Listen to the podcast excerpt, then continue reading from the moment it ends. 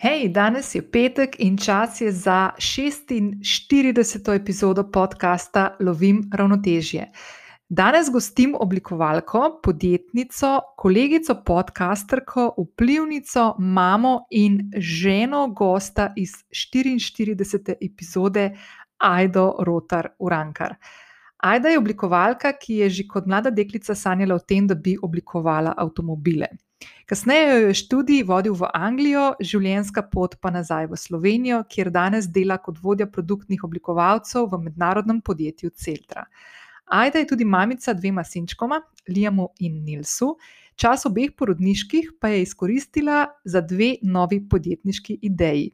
Najprej pred petimi leti je predstavila Mini Melows, krasne ninice za dojenčke, in malčke.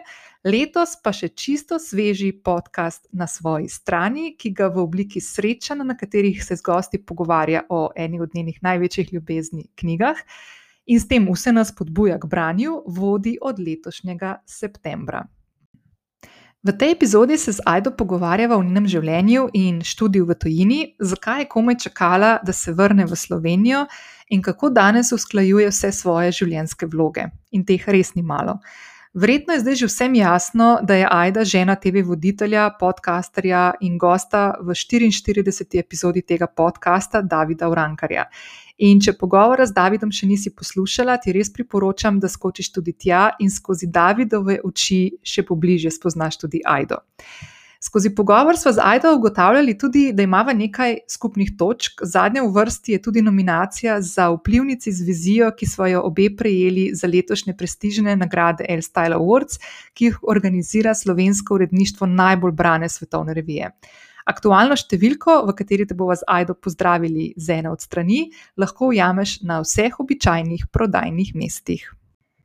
Če še nisi prijavljena na podcast Lovim ravnotežje, to lahko storiš zdaj prek aplikacije, na kateri trenutno poslušaš to epizodo. Vesela sem tudi mnen in cen, ki mi jih pustiš na podcast aplikaciji ali pa se mi oglasiš na zasebno sporočilo. Najraje vidim, da to na Instagramu, ker se ti bom najhitreje javila nazaj. S prijavo oddajo ocene in mnenja na aplikaciji, prek katere poslušaš podcast, pomagaš, da zanj slišijo tudi tebi podobne ženske in moški, tudi njih smo vesele. Kot vedno, te tudi tokrat v opisu te epizode čaka povezava do zapisa, ki je bil pripravljen za to epizodo in v katerega sem ujela vse informacije in kanale, prek katerih lahko spremljaš Aido še naprej. Poseben poudarek tudi vse stvari, ki smo jih omenili danes, eh, knjige, filme. Uh, in številne druge stvari boš našla na povezavi, ki te že čaka spodaj. Zdaj nam ne preostane nič drugega, kot da rečeva skočiva v pogovor. Ajda, izvoli.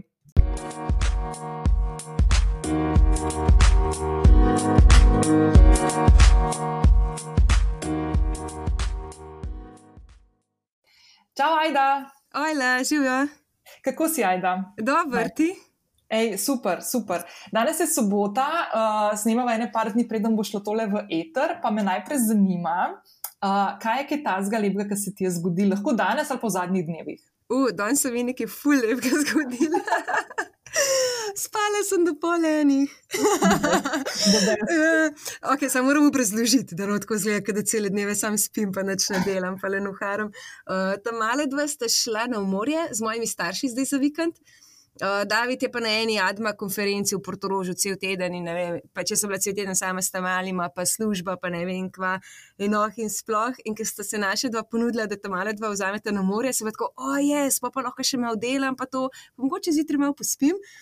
No, in ja, zvečer se veš, kako je to, ker se neki loteš, to slovensko spletno uh, verzijo, uh, spletne strani za minimalov sem postavljala, vsako, ok, zdaj grem pa spat pa se bom zjutraj pač zbudila, ker se bom, ne se itak, neki mi rolete ne delajo, pa me bo itak sončna svetloba zbudila. V glavnem, jaz zjutraj pogledam na uro, ura je bila polenih. Da, ne, vem, po mojem sem na zadnje, ja, ker sem bila najstnica, no, spala do polenih, ampak sem res to rabila. Tako, ker se veš, pri tem malih dveh, tako pri dveh otrocih je skozi neka akcija, pa to. In, ne, in tudi, kadar sem z Davidom sama doma, Uh, Ker se zgodi, veš, da ste kdaj pač v varstvu ali pri mojih ali pri njegovih, bi se valjda ti škoda časa, ne bom jaz zdaj kar spala cel dan, ker sva sama, pa greva lahko vem na kosilo, pa tenis, pa tako. Ne? In je tudi vedno natemperan. E, danes, ko sem pogledala na uro, najprej mi je tisti slaba vest, o, oh, fuk, kva, jaz sem že pol dneva zamudila.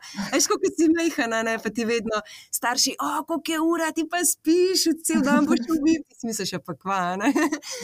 In to kar nekako tako ostane s tabo. Ja, tako da uh, najprej, ko sem videla, koliko je ura, sem bila, oh, šit, kva pa zdaj. Pa, pa sem, naslednja misel je bila, pa, oh, je, skončno. Vem, da se je to naslednjič verjetno zgodilo, ko bo se tam malo. E, jaz ti bom tako rekla, da glede na to, da vem, koliko je enega uh, dela s tem, da spletno trgovino postalaš in to si ti včeraj zvečer delala, jaz mislim, da to, da si ti danes do polne spala, je tako čist razumljivo. Poleg okay, tega, je čist prav, da si si vzela tako da pol dobro.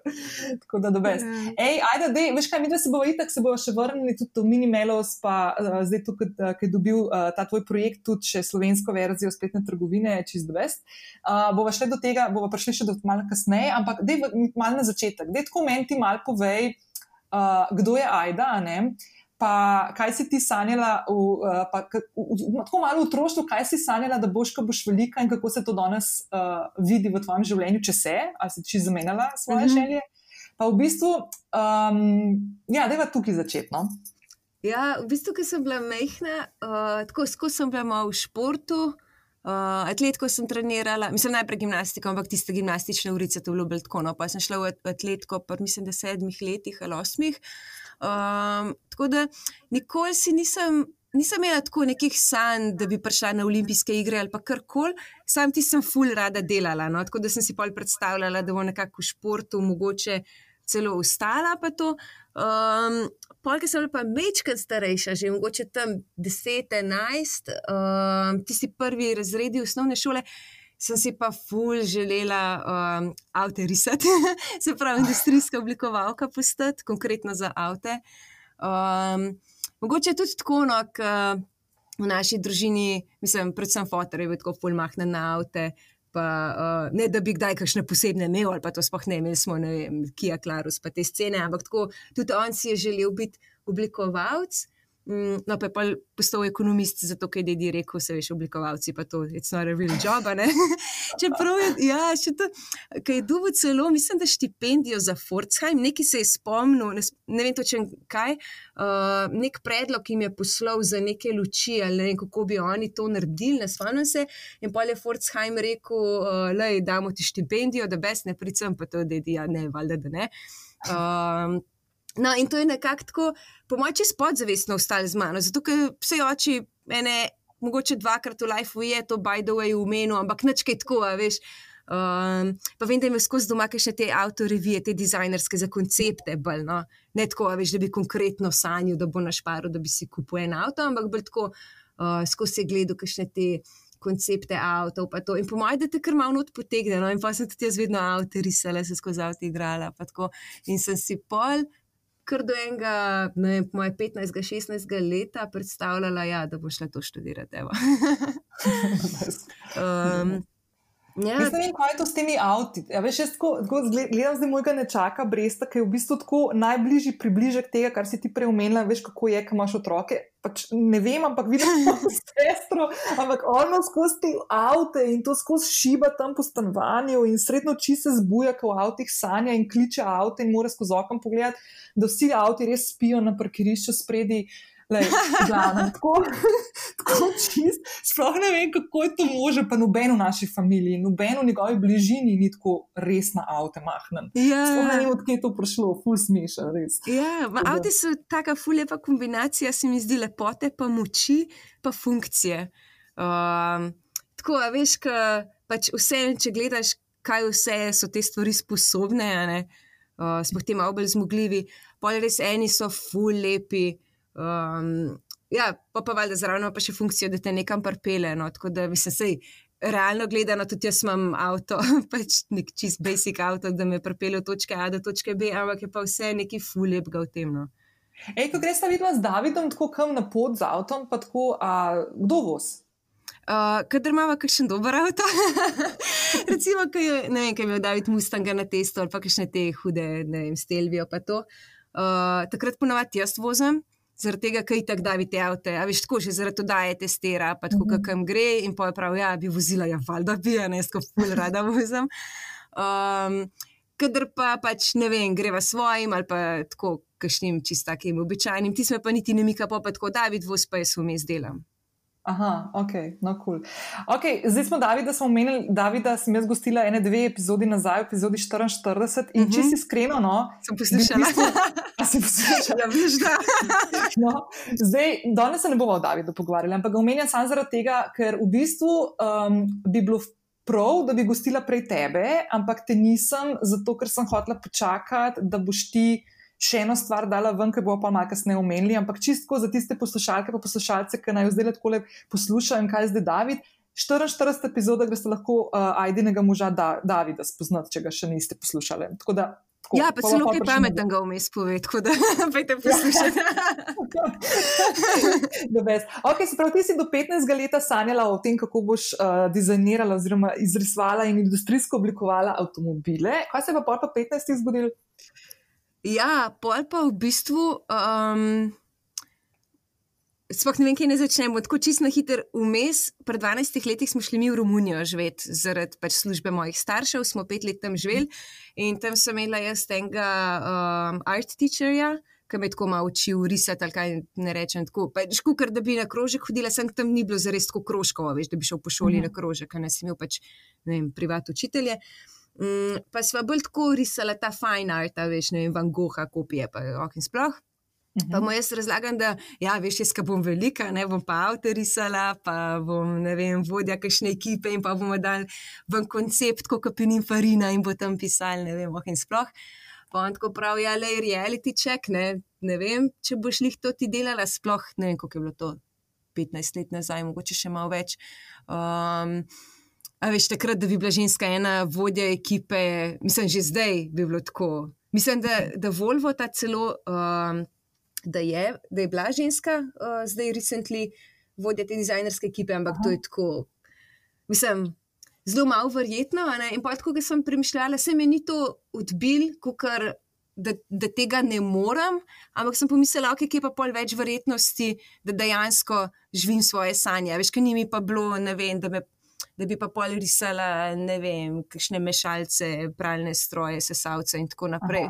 Uh, mislim, se valjda tudi to je job, sem, a veš, niso bile pa to moje sanje. ne. Mm, in so se tako čez Bajdo enkrat pogovarjala. A ja, se res, mislim, da je on CD prinesel, nekaj sem musko poslušala, pa tako prav, ja, se to je tudi oblikoval z risom, veš, kaj sploh ne pomisliš, koliko jobov je na tem svetu. Enkrat sem brala uh, v tej reviji New Scientist, so imeli deset zanimivih jobov in dejansko je to job, da pri formuli ena en gume menja. A štekaš, ker Mhm. si mehen, Ja. ne pomisliš, oj, si pa želim to delati. Ja. Um, No, pa tako pravi, to je tudi job, da je to narisal, pa se reče, kako hudo. Uh, pa te posteri, pa ne vem kaj. Tako da pol sem me je ful začel zanimati ta grafičen dizajn. Um, Pol pa itak, ker se je pa internet bolj razvil, pa, to, pa bolj te um, aplikacije, pa tako, ti, ta digitalen dizajn, no, pa za, prav za uporabnika, veš, te uporabniške izkušnje. Tako, uh, tako da sem šla pol bolj v to smer. Ej, ful dobr. In pa se ti v bistvu, pa, pa se, jaz zdaj bom tako še omenila, da če hočete malo več o tej zgodbi Aidini iz Romunije, pa kako je do tega prišla, pa kaj se je vse odvijalo, da ne bova šle ponavljati, je Aida imela ful zanimiv pogovor, ker sem ga jaz mimo grede poslušala, ko sem se edinkrat v letošnjem poletju vozila s Krka nazaj domov. V prepričanju, da se bom še septembra tja vrnila, pa, pa, in sem bila čisto vesela, da bom šla še nazaj. In sem poslušala tvoj pogovor z Majo na Renesansa uh, podkastu, ki ga bom tudi polinkala. Tako da, drage poslušalke, poslušalci, greste lahko še tja poslušati, kaj je Aida ful lepo opisala celo to stvar, kako je bila izkušnja v Romuniji in potem, ko si šla študirati in si šla študirati v Anglijo. Ja, ti so bilo kar emotional. Ja, da, Ja. Če hočeš kakšno solzico potočete. Ja, ful zanimiv, ful zanimiv. In meni je bilo tako, in jaz sem tako ful podoživljala to, kar si ti razlagala, kako si šla um, v Anglijo in kako si se počutila, in ko si tja prišla v tisto sobo in, uh, in uh, glih sveže zaljubljena, pa to in ti je bilo ful težko iti. Ja. Jaz sem se tako, tako sem se poistovetila s tabo, ker sem šla jaz tudi pred 12 leti v Anglijo, čist excited, sobota je bila, ful dobro, grem zdaj v Anglijo. Uh, leto 2008 je bilo in valjda kriza je bila, pa sem si mislila, eh, ok, who cares, v redu bo, jaz sem to zmogla, službe nisem imela nobene ki je tako že ugledane, ali pa kaj, da bi se pogovarjali, pa se reka, to bo mene tam počakali, valjda, ne itak. Mm. In pa sem v ponedeljek šla, naprimer, v, uh, tam v sosed, k sosedu, Pakistancu, ki prodaja časopise, po Guardian, ker so vsak ponedeljek imeli noter job description za marketing pa PR. Ja, in pač ni bilo službe. Ja. In pol te je zadela realnost. Ne? In ko sem tebe poslušala, sem bila sam tako, o moj bog, ker malo sem tako anksiozno napad dobivala. Ej, Um, veš, da sem jaz sebe poslušala v podkastu, da poslušaš, kaj rečeš, ker tako, ko govoriš, niti ne razmišljaš, veš, ko ne planiraš. Ker sem poslušala, ej, meni so spet so zaprtekle. Veš, pa se zdaj, I'm over it, ne. Ampak, ne vem. Vse te emocije, ki nazaj dobiš, pa tako, ki ti krošit, pa, pa ne vem, itek se ne more to več zgoditi. Mislim, se ni bilo tako strašno, ampak, a veš, ko se veš, I'm safe now, tako vse je kul, cool, družina je pa to. Ampak ja, ki te kar, ne vem.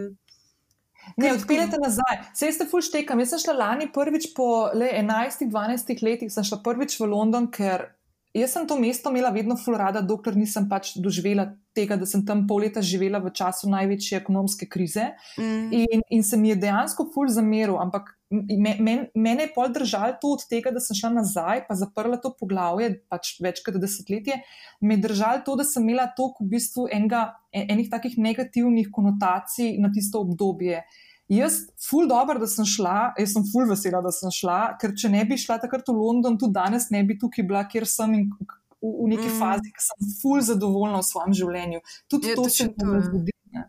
Um, ja, si pa v bistvu ljudje tako ful pred ne predstavljajo, ti sploh tisti, ki mogoče se niso še preselili v tujino, pa tam delali, pa živeli ali pa študirali. Da si ne, pre, vse zgleda tako ful fino, pa vse, pa vse je luštan, no? vse so dobre izkušnje, ampak to so ful naporne stvari, to so čustveno ful, ful naporne. In ti si bila tudi ful mlada, jaz sem stara 30 takrat, ko sem šla, veš, ti si bila ful mlada. Ne? Ja, pa se ne vem, ali je lažje biti mlajši ali starejši, mogoče celo mlajši, a veš, ka, ne vem. Mislim, tako razmišljam, če bi se mi zdaj isto zgodil, ker sem pa tudi imela tako dosti odpor do Londona, pa Anglije nasploh. Um, recimo, jaz tudi na svojo to podelitev diplom nisem šla, Aha. uh, ker sem zaključila maja, pol pa mislim, da julija ali septembra, ne vem točno, no, bi mogla biti, a veš, pravuna Mhm. filmska podelitev diplom, ki dobiš v nekape, pa vržeš v zrak, pa to. Aha. In nisem, sem pros- prosila to mojo uh, ful dobro frendico, če mi lahko uh, portfolio pošta. A ja, celo tako je bilo, no, mislim, tega sploh nisem takrat povedala v renesansi, da uh, za zaključek si ti mogel to pač uh, diplomsko nalogo spisati, pa narediti nek projekt. In pa te projekti so bili razstavljeni. Uh, v tej galeriji od univerze, in so prišli potencijalni delodajalci, da so pogledali, veš, tako, kdo je kaj Aha. naredil. In jaz sem prosila pač svojega profoksa, če lahko ne pridem, da bom postavila, pa vse, sam ne, ne bom pa pol tam v ne tri tedne, ko bo folk hodil gledati. Pa to, ne. Mhm. Pa on tako, ja, kako pa se, ja, nisi tri leta za to delala, se kaj ne, jaz sem hoče, no pač ne morem, le strga se mi bo, če bom klejane. Pa rekel, ja, le pač iz vidika faksa, tep ni treba klebi, ti si vse končala, to je samo zaradi tega, da bi ti lahko kakšen job dobila. Veš, tudi imela sem ful dobre reference, uno nagrado sem takrat dobila mednarodno, pa to.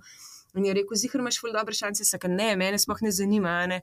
Um, Tako da ja, nisem hotela ne na tej razstavi biti, ne pol na podelitvi diplom. Uh, sem prosila, če mi lahko po pošti pošljajo diplomo. Tako se zdaj, ko pomislim, res. Mislim, ne vem. No, pač, a veš, ko se ti to dogaja, ful drugače vidiš stvari. Ampak ja, no, pa sem imela ful dolg odpor in ful dolg nisem šla v Anglijo. Uh, pa prek Celtre, v bistvu, no, sem mogla spet službeno uh, hoditi v London, ker imamo tam office in sem tudi delala z ekipico, uh, ki je bila delno tam. In uh, se prav spomnim, kam je ta šef rekel: ja, lej, enkrat na mesec bi bilo fajn, da ti prideš za en teden sem. ne." Meni se kar zmegli, se kaj, to pomeni tri tedne, kle en teden, tam se kaj ne, na dva meseca za en teden. Pa on tako prav, na šest tednov. Se kao, ok, na šest tednov, ampak pa sem si vedno tako blokirala, da je bilo na dva meseca. Ker prav, ne vem, v Angliji sem imela en tak um, ne vem, no, tako vedno sem rekel, da mi smrdi. Uh, zdaj, ki pa, ja, zdaj, ki pa ni treba več hoditi, ker pač ni, uh, ker ta kipce ni več v Londonu, ampak so, tako smo se drugje porazporedili. Pa um, zdaj pa kar šla v London, no? tako zdaj pa ni panike, mm -hmm. ker mi ni treba. e, jaz sem tudi lani, jaz sem London lani spet tako čist na novo doživela in Ano sem šla obiskat in, in sem bila tam in sem hodila in edini plan, ki sem ga dejansko imela in sem si ga želela izpolniti da grem do tiste hiše, v kateri sem živela uh, v Southeast Londonu, da zaprem to poglavje, da si dovolim, da zadiham, da si oprostim. Jaz sem imela tudi tako, veš. Um, eni, veš, kaj priješ nazaj, pa zdaj, ki gledaš, kot si parkrat rekla, ja, takrat mi je bilo tako, se pa se ti mogoče zdaj zdi tako mal čuden, ampak takrat, ko se ti to dogaja, mm. valjda si, si v tistem noter, v tistem uh, vorteksu in ful si lahko pameten deset let kasneje, ne, kaj ja. bi ti drugače naredil, ampak jaz sem tako, uh, mogla, mogla sem si tudi malo oprostiti to, da sem si celo življenje ful želela iti v tujino, živeti v eno veliko mesto, pri Londonu, New York. In pa sem rekla, pa pa tako ni nagrešene, in pa zdržiš pol leta in greš nazaj. Ne? In sem imela v bistvu to, sem se tako fulje mala, kot eno tako, da sem prehitro obupala. No? A veš, tako. In, uh, in si nisem tega tako dolg časa mogla malo spustiti, pa oprostiti. In sem šla res in sem šla vrata zapreti. In sem imela toliko, toliko mi je bilo noro, jaz sem imela kurjo pot, ker sem po ulici hodila do mm. stanovanja kot čist bolano. No. Ja, Ampak, ja, ful si hiter, kaj učitemo, tako za kakšne stvari. No. Ja, Vse sem imela ja, tudi vmes, veš, tam v uni svoji sobici, v študencu sem jokala, sem si rekla, pa, kaj sklep, plačujem celo premoženje za to sobico, sploh nočem biti kle, kredita imam za šulnino, spet sploh nočem biti kle, zakaj sploh sem. A veš, tako, ker sem imela prav neke bitke sama s sabo, pa hvala Bogu, res, da sem pol tam uh, ostala, pač da se nisem uh, vrnila, tako da se nisem dala. Um, ampak ja, kdaj, mislim, se ni treba, da so tako velike stvari, kot je bil ta študij ali pa to, kar si šla ti. Ne? Um, v bistvu živeti. Da so še take mehke stvari, ki se ti čisto lokalno dogajajo, pa si tudi, veš, kar učitaš, pa si čisto razdvojen in pa kar ne vidiš izhoda, ker se skozi bockaš, ja ali ne, sam sabo. Ne? Ja, ja, ja, itak. Ej, da mi povej, kaj zgodi gor v Angliji.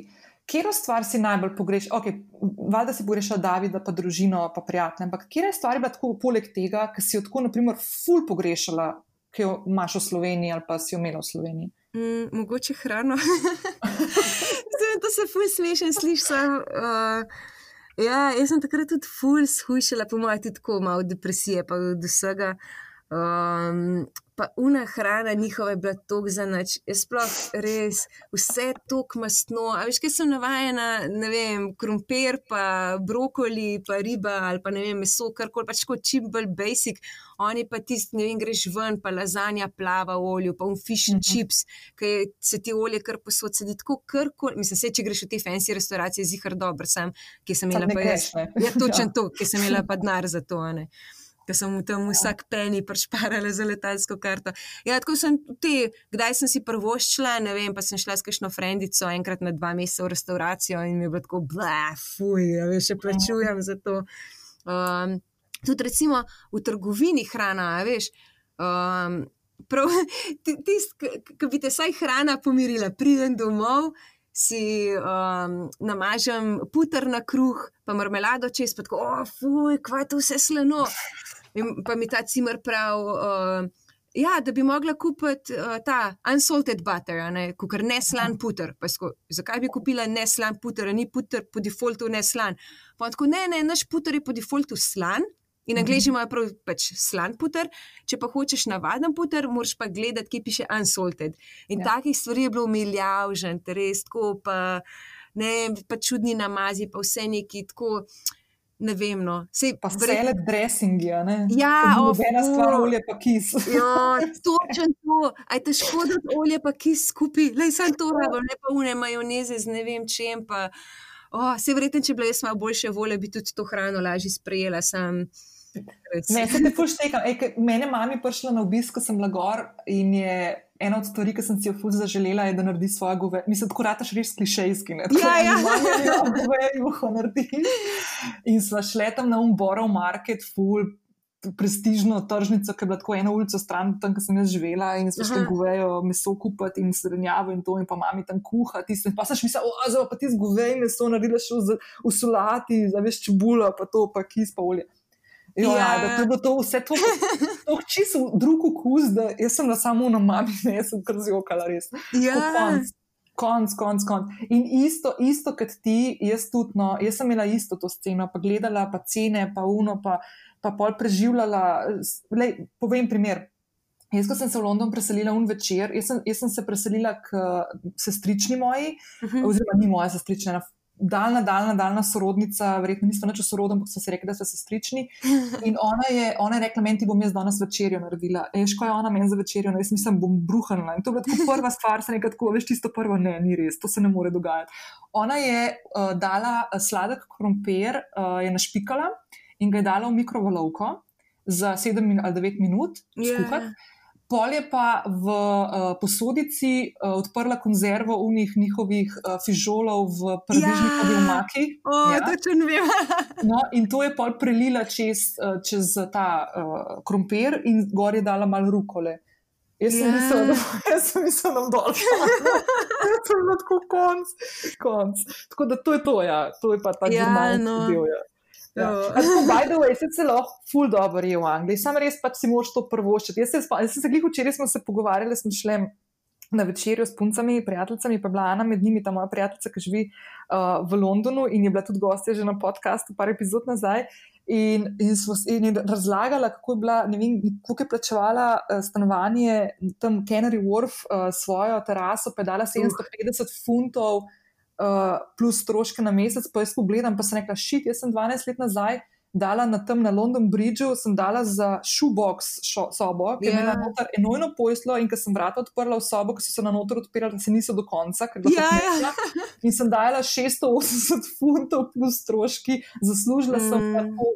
Jurija 300 na mesec, a veš, ne, pač yeah. le ja. životarla sem dobesedno in sem mm. valjda zbežala, ker je bila šansa. Ampak ja, ok, umela si Celtro, ne? Uh, podjetje, v katerem delaš še danes, in kako so te pošiljali, hotel pošiljati za en teden, vsak mesec, v London, in si se uprla. Ampak dej, ti si pol prišla nazaj iz Londona in si šla delati v agencijo najprej. Ja, jaz sem šla najprej uh, na Luno TBVA.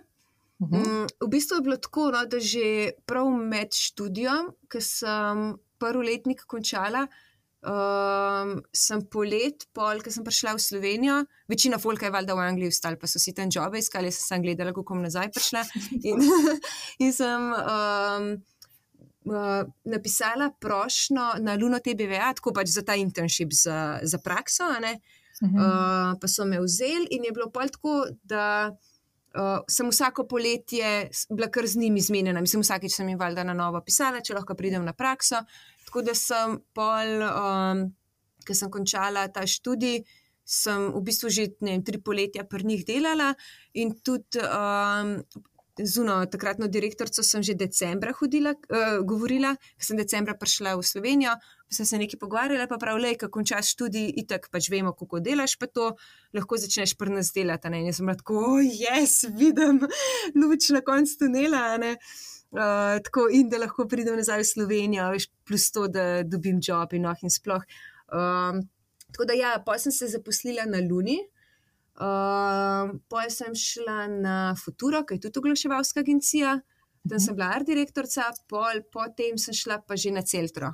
Um, in zdaj si na Celtri, koliko časa že? Uh, mislim, da 8 let. Aha, okay. Ja, ful, ful. Ker sem prišla v bistvu. Ne, meni se zdi, da, da bi bila vem, na par let v čist drugi firmi, v čist novi firmi. Veš, kaj sem prišla, nas je bilo, mislim, da 30, nekaj tasga, zdaj nas je približno 220, nekaj tasga. Uh, ne v Ljubljani, vse, vseh skupaj. Vseh skupaj. Ja.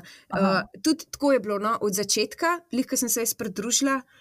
So, mislim, da so bili v ofici samo v Ljubljani, pa v Bostonu. -huh. Mhm. Nisem čez ziharno, če še kje druge, ampak ja, v Bostonu sta bila Maja in Miha, te dva co-founderja, uh -huh.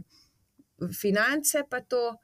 Um, pa pa lih, par mesecev potem, ko sem se jaz pridružila ekipi, so se pa odprli ofici, mislim, da v San Franciscu, če se prav spomnim, pa pol v New Yorku. No, v glavnem, tako da ja, zdaj imamo tudi v Ameriki ofise, pa vmes uh, so bili, mislim, da v Singapurju, pa tako naprej. No. Uh, tako da dejansko v Ljubljani nas je približno 100, po mojem, 120 nekaj takega. To, to mislim, ful velika firma, to je res tako ful. Ful rasta. Tako mim grede, ne, ko sem bila jaz, evo, to lahko še povem, jaz zelo podobno stvar kot ti. Jaz, preden sem šla v London tistega oktobra 2008, sem se tisto poletje nezadovoljna v eni drugi službi, začela pogovarjati uh, s pristopom, da bi šla delati uh mhm. -huh. na pristop kot PR-ovka. In so mi ponudili službo, in potem sem jaz dobila to priložnost, da grem v London in rekel, ja, da to moram iti, ker sem si celo življenje želela. In sem se fulj zahvalila pristopu in rekla, da pač moram to res probati. In uh -huh. so mi odgovorili, da ja, da razumejo, da pa če slučajno kdaj razmišljala o tem, ali pa se bom vrnila, da me ta ponudba čaka na mizi. Ne? In jaz uh -huh. sem mhm. tako, ok, kul, cool, takrat nisem niti tako neki zdaj, o, oh, fulj dobro, fulj dobro, ker tako sem bila v filmu, da sem šla zdaj v London in tam forever živela. Yeah. Ja. No, in ker se je pa začel ta London odvijati, in jaz sem ugotovila, pol tam okrog novega leta, v januarju, da to pač no go. Ne? Uh, sem začela malo razmišljati, da to bi pa jaz počašla. In sem tako ene dva meseca tenstala pri sebi, a grem ali ne, ful sem se ukvarjala s tem, kaj mi bo starši rekli, predvsem fotor, mama niti ne to. Uh, kaj mi bo rekel, ja, pa ful si upala, pa šla nazaj. V glavnem, jaz tam enkrat marca meseca pošljem pristop, tako, ej, jaz se pa vračam, a to še drži, pa velja. In meni reče Ula, uh, moja bodoča šefica, pa na pristopu, ja, ni naval, da z veseljem ti, da, te, te čaka služba, ki prideš, te čaka. In jaz sem en teden po tistem, ko sem prišla z 200, do, z 200 evri v žepu iz Londona. uh, to je bil tudi edini trenutek, po mojem, v zgodovini uh, monetarne politike, da je bil funt niže od evra in sem dobila za funt manj evrov nazaj. Ja. Uh, res noro. In dejansko sem en teden kasneje začela potem na pristopu delati. In meni je bilo to takrat, ko oh, šit, ne morem verjeti. Ne. Jaz sem se pol leta zafrkavala, da bi dobila službo v Londonu na področju, ki pač sem želela mm. delati in pa pridem pa v Slovenijo in me služba že vnaprej čaka. Ne? Mislim, tako nore stvari. No? Tako, ja, kdaj si, ja, kdaj si res misliš, tako, zakaj bi kar rinil eno stvar, kar res ne gre. Ne? Pa pač, ja, Polko lepaš med tem, a je to nek disappointment, da sem jaz zdaj to kvitala, ali mm. sem pač sam videla, da le, pač brez veze rinam, se bom šla na boljše, s tem, ko pridem nazaj, tako da to ni nek mm. porast. Um. Mislim pa se tudi te stvari, ki so se tako nama zgodile, ki so tako dokaj primerljive, oziroma podobni. Mm. Mislim, da so ljudje, naprimer Ana, moja, jaz sem ona tako fulu živa v Londonu. Ona je zdaj sicer v Sloveniji in zdaj so ji pač dali Slovenijo na uh, rdečo listo in ne ve, kdaj se bo lahko vrnila domov. Uh, uh, mislim, domov pač v London, ker je njen uh -huh. drugi dom, ne, ali pa prvi zdaj že. in, in je tako, veš, so ljudje, ki pač, ja, ker, ker imajo neke take želje ali pa se ful najdejo v tem in so lahko točne zgodbe, ki so ful hude, ne, itak. Mm. Ampak jaz, na primer, jaz pa tako, mene pa tako lepo prenase. Z vsemi ja. problemi, ki so, tako je, to čist drugo. Ne, veš, ja. to klepo v Sloveniji, res. Sploh tako, ja, ker sem živela pet let v Romuniji, tri leta v Angliji. Saj sem jih rekla, ker sem se jaz vrnila v Slovenijo, sem v bistvu pol life v zunaj živela. Ne? In mhm. ko pa kar naenkrat vidiš, vse imamo, ful stvari za zrihtati, pa to pa In res, da stvari neštima, ampak res, kakšne te osnove, pa tako, ne, meni je to klepo prnasno.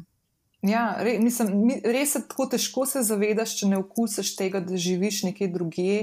In, in, in, ampak ne, veš, ne tisto, da greš v London za en mesec ali pa za dva, ampak da dejansko tam živiš, delaš, služiš tam denar in da veš, kaj to pol pomeni. Mm. Um, in kaj, kaj imaš, če se nimaš. Ne? Veš, jaz se spomnim, ker sem tam po tistem Borov marketu hodila enkrat januarja meseca in vidim tako fige iz Španije, boh ve, mislim, kakšne so to bile, najbrž plastične, ampak nima veze.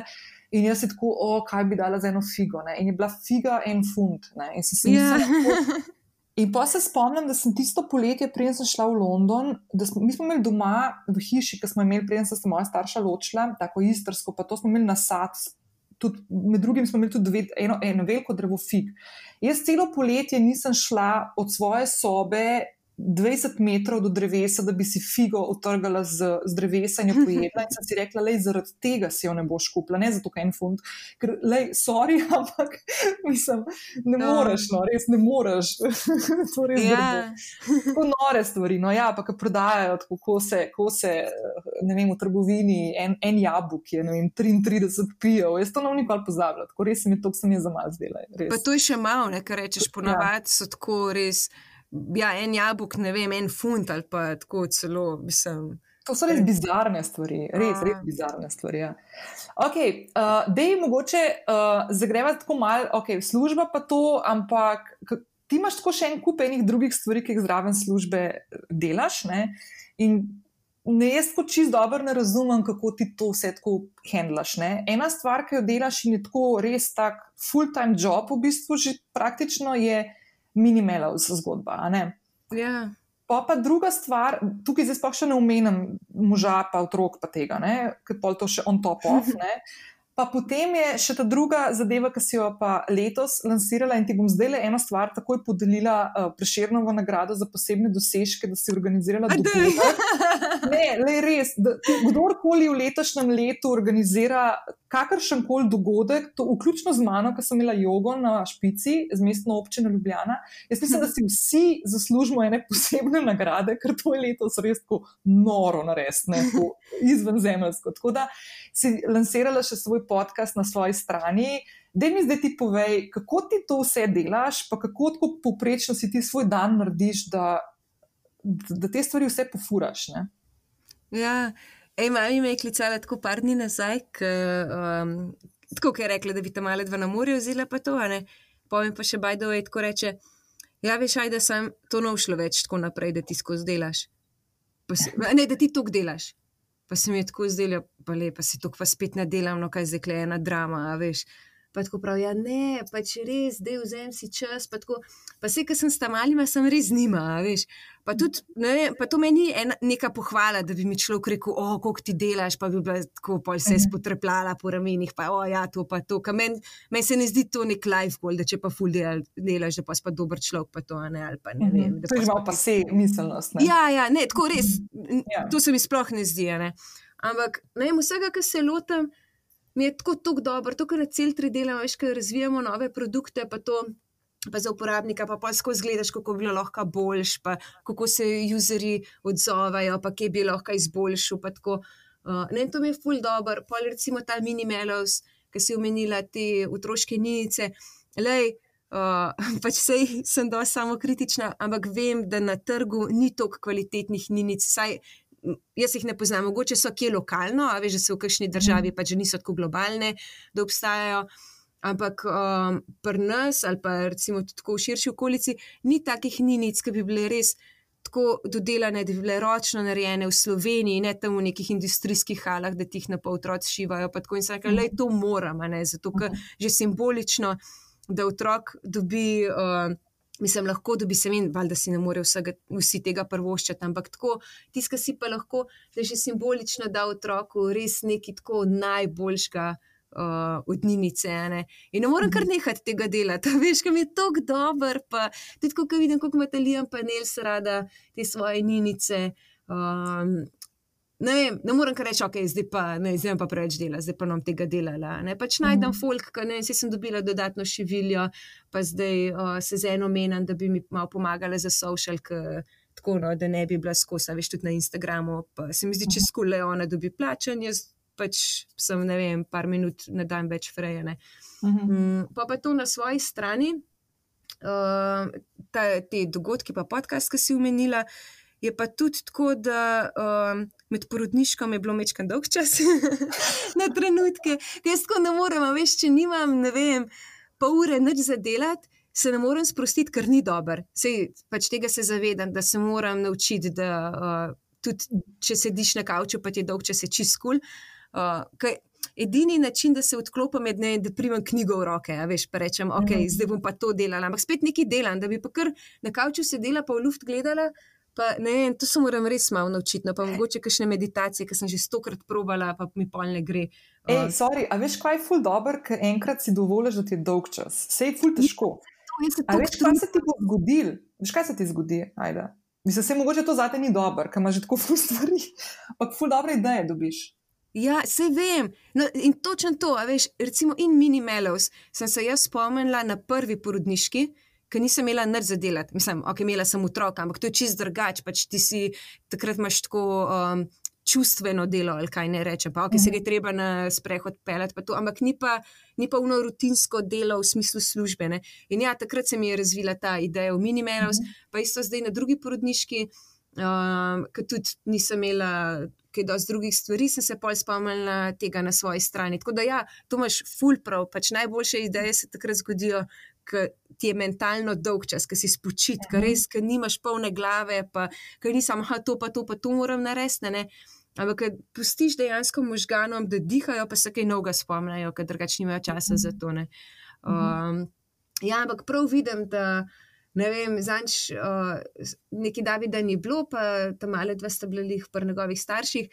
Pa sem si tako, skozi sem nekaj delala, pa maile, pa to. Pa sem si pa prav rekla, ok, zdaj bom imela pa eno urco frej, Tako se usedem na kavč, in mhm. ja, spet se reče, ok, si, sam še tole zapakiram, pa sam še to blago pogledam, če so že dobili, pa ne vem, kva ne. Sem rekla, ok, noč, le prvo šla si bom na masažo, se bom naročila, ker že sto let nisem bila. In sem šla na masažo, samo zaradi tega, da nisem več delala, mislim, se je valjda ful uživam v tem, ampak ja, in sem prišla ven k nova, res. Mm -hmm. Tako res mogoče bi mogla začeti meditirati, prav da, da se odločim, pa da si zadam nek cilj, Ker to pa se veš, če se nečesa um, lotam, tako da se odločim, to bom naredila, pa bom to naredila, ne glede na to, kaj se bo zgodilo. In ja, po mojem si moram prav reči, da meditirati bom začela, ne, magar enkrat na teden, neki pač nekaj. Ne, veš, kaj naredi, da ti bom jaz plan naredila. Veš, kaj ti naredi? Ja. Ti fajn je, da delaš to vsak dan. Ne? To je bolje, da delaš vsak dan manj, kot da delaš enkrat na teden. Lej, ja, zdaj. sem to bom vsak dan delala. Čakaj, čak, čak, da ti povem. Eno minuto, eno minuto, ne 10, 15, 20, eno minuto si vzam enkrat v dnevu, kadar ti najbolj paše, lahko takoj zjutraj, ko se zbudiš, ali pa zvečer, preden greš spat, ali pa sred dneva v pisarni lahko z računalnikom. Eno minuto sam zapreš oči. Pa se samo posveti globokemu dihanju skozi nos. Pa štej sekundne intervale, kako dolg je tvoj vdih skozi nos. Naprimer, vem, prideš do 5, 5 sekund, pa probi imeti izdih enako dolg. In si timer naštimi ena minuta in se sam fokusiraj na dihanje, in to je tvoja meditacija. To lahko narediš. Okay, to bi po mojem šlo. Ne, ena minuta res ni veliko. Je... Ne, ni veliko. In če ti bo sedel, naredi, pa reči, bom pa jutra, bom pa dve minuti, ali pa danes mi je pa sedel, pa bom še malo podaljšala. Cool. In najlažje je to, ker meditacija je samo to, da se ti usredotočiš na eno stvar. Veš, ni uno, da moraš pa zdaj ne, ne bom mislila, pa pol si misliš, ok, zdaj pa to, kako bom to spala, pa deset yeah. Ja. minut rabam, pa to. Ne, lej, minuta ali pa, ker se voziš domov, se fokusiri vem, na dihanje in to je to. Pa štej tiste vdihe, izdihe, pa pa lahko boš malo bolj advanced, to je po mojem, tako ene tri dni kasneje. Uh, boš ti si naredila tako, da boš dihala, naprimer, 5 sekund, boš vdih naredila, pa boš zadržala telo polno uh, kisika 5 sekund, pa pa narediš izdih 5 sekund, pa prazno telo spet 5 sekund, kot box breathing, veš 5, 5, 5, 5. Ej, to pa je ful dobro. Ja. Ej, in si naredi tako, kot boš. Le, res, ful je bolj pomemben pri meditaciji, da delaš nekaj vsak dan, tudi če je samo ena minuta, sploh ni mhm. panike. Mm -hmm. Ena minuta je v bistvu ful velik. Mislim, je kratko, ampak vsak to lahko naredi. Ampak, lej, ful je veliko to vreden. In to, če delaš vsak dan, na mestu, da delaš ne vem, v nedeljo, ki bo pa David pelil tam male na sprehod, pa bom jaz 10 minut imela, ne rabiš tega. To je ful, ful, ful je manj, kako, mislim, ful manj mm -hmm. dobiš od tega, če delaš enkrat na teden, kot če delaš vsak dan malo. No, evo, pa, pa, pa ti zdaj le obljubim, da bo naslednje dva tedna, kar je ful velika, po eno minuto, da bomo si no, tako realni cilj. Ja, eno minuto. Res, eno minuto. Ja. Pa ne rabiš, pa tudi ne razmišljati, da moraš zdaj pa nek prostor imeti. To lahko tu, res lahko to narediš v pisarni, lahko mm -hmm. narediš, lahko narediš, kaj greš pod tuš. A veš, karkoli tazga, lahko si zobe umiva, no, zobe si ne moreš umivati, ker ne moreš pa dihati. Ampak tako, kjerkoli je ja. tisti tak prostor, veš, ne se zdaj tako ful zamarati s tem, zdaj pa kaj moram, pa uno, pa kje čas, pa to. Lej. A bo pojslo, ko se usedeš zvečer, a veš, se nasloniš na, na, na tale, na vzglavnik in narediš kot minutka. To je to. Ja, ej, da bes, a veš, da bom res to. Ja, le, res je čist, čist fule, fule balizi. No? Ker veš, to je ta, to, kar si ti zdaj omenjala, meni je to fule po in jaz to, to zdaj doživljam, sploh zdaj v zadnjem letu, ko sem končno ugotovila, kva hočem začeti delati, pa, pa sem si res vse na glavo postavila uh, in je ful dobro. Ja, in ko uživaš v neki stvari, ki jo delaš, ti lahko čas ful hitreje teče, oziroma um, greš delati tudi v tistih trenutkih, ko v bistvu bi bil čas lahko namenjen neki drugi stvari. Naprimer, veš, pri tebi gre otrok ja. spat zvečer, David, ne vem, montira svoj podcast. Uh, mm. Ki mimo grede, ga spet polinkala v šovnovce, tudi tukaj pa rajdi, da še pač ker sem tudi ajdo pred Davidom, da se ne bo tako skrbela. in, in, in pa imaš ti tisti čas in rečeš, o, bom šla zdaj vse maile odgovoriti. Jaz to ja, tudi tekam. Ja. Ker se moraš včasih kar malo tako uh, prosil, da rečeš, ne, le, zdaj pa ne, zdaj pa pet pa skuhi si večerjo ali pa pet neki drugega pospraviti stanovanje, mm. ali pa mm. ležati na tla, pa gledati v luft. ja, ker res ne smatram tega kot delo. Veš, recimo, mini mail, usmen res ni delo, tako da bi rekla, mm. o, zdaj pa moram nekaj delati. Ampak ne, to je full lušten. Vsakeč, ko dobim novo naročilo, me tako, o, kako dober. Pa ne vem, pa če še kdo dopiše ime za otroka. Prav tako se mi zdi, da vem, komu bo to šlo, tudi če ne poznamo ne osebe. Tako res mi je fajn, to ni delo. In pa isto ta na svoji strani. A ja, mislim, da sem to začela, pa sem bolj čez zabluzila. Uh -huh, ja, ja. uh, ja, a veš, sem tudi tako razmišljala, da koliko so knjige fajn, pa to. Pa pa sem čez Bajdo in naletela na uh, neko raziskavo, da slovenci ne beremo tako veliko. Pa, pa se mi je zdelo, da to pa res škoda. Veš, pa tudi, ne vem, pa moji otroci bojo odrasli, pa si želim, da ne vem, tako dober svet, veš, ko imaš neke ideale. Pa to pa sem rekel, da je zakaj ne bi malo bolj spodbujali branje, pa te pozitivne debate nasplošno, veš, kaj je že itak tok ne vem, negativnih stvari, uh, pa prešerja, pa tega uh, v tem modernem svetu, da zakaj ne bi malo. Bolj tega spodbujali, in pa sem čisto postopoma, v bistvu sem začela o tem razmišljati, ne vem, že januarja, pa sem pol tako um, razmišljala, a je to. Um, Mislim, kako bi izpeljala, pa to pa pol. A veš tudi zato, ker si rekla, kukar ja, kapo dol, da sem speljala dogodek. Ma ni bilo tako težko, zato ker sem že od začetka vedela, uh, da moram za full mehno število ljudi planirati. Tako nikoli nisem mislila, ne vem, to za nekih 500 ljudi imeti, ampak sem rekla, le, magar samo unih deset. Uh, povabljenih, vsakeč pač nekih drugih, zaradi tega, da res lahko spelam. Tako nisem si hotela nekega stresa delati, da bom rekla, če bo šlo, jih bom ne vem, 50 ali pa 100, da se jih bo lahko prijavili, če pa ne bom pa pol prilagajala. Saka ne, da si čim bolj take simple cilje za deja, ne, da jemo štartati s čim, čim manj fulka, pa bo itak pol podcast, pa lahko posluša kdorkoli če, pa tako na ta način. Tako da spet mi ni bilo tako kot neko delo, ampak neki, tako se mi zdela ful dobra ideja, ki sem jo pač mogla spelati. Um, ja, in pa, ki mi je mama rekla, ja, veš, boš mogla malo manj delati, sem tako zelo čak, pa si nič ne delam. Veš, imamo samo različne projekte, ampak ni pa tako, um, ne vem, tako drugače je to. No? Vem. Vem, vem, tako je v bistvu nek, neka taka stvar, ki te fulno napolnite z energijo, namesto da bi ti ozemala. Ja. In potem ti rata kratko malo rabaš to. Ej, mm. drugače pa, A veš, kot si rekel za dogodek, da ti ni bilo težko. Ne, sej, jaz, meni tudi ni bilo težko letos, naprimer, jog organizirati. Ampak, a veš, ker delaš v okolju in v trenutni situaciji, ko se stvari tako hitro spremenjajo. Jaz se spomnim, kaj si ti za dogodek, uh, kaj si meni rekla, da boš imela, je bilo že tako mm -hmm. nekaj tednov prej. Ne? Ja. veš, tako, en kup enih stvari bi se lahko zgodil. Ne? Jaz ti lahko povem primer. Jaz sem imela prvi dogodek uh, joge na špici letos, 8. julija. In tri ure pred prvim dogodkom, imeli smo jih pol šest na dva tedna, do zdaj smo zaključili prejšnji teden. In je um, tri ure pred prvim dogodkom je vlada sprejela nove ukrepe v zmanjšanju števila uh, ljudi na, na srečanju. Yeah. Ja. In jaz sem lahko, ok, le pač itak, mi ne bomo leta z tega speljali. Ne? In hvala Bogu, ne, da na koncu, jaz sama tega ne bi delala tako, kot sem delala uh, lansk, prejšnja leta, mm. ker sem v bistvu sama to organizirala v Tivolijo. Če ne bi imela letos mestne občine Ljubljana zraven, ker so v bistvu te stvari tudi oni tako pohendlali na način, da pač. V bistvu jaz sem bila pripričana, da bomo oni so pa meni rekli, tako pa ne, ne, valjda bomo speljali, super je, vse bo da bes, le mm. ljudje se držijo razdalje, uno, levo, desno.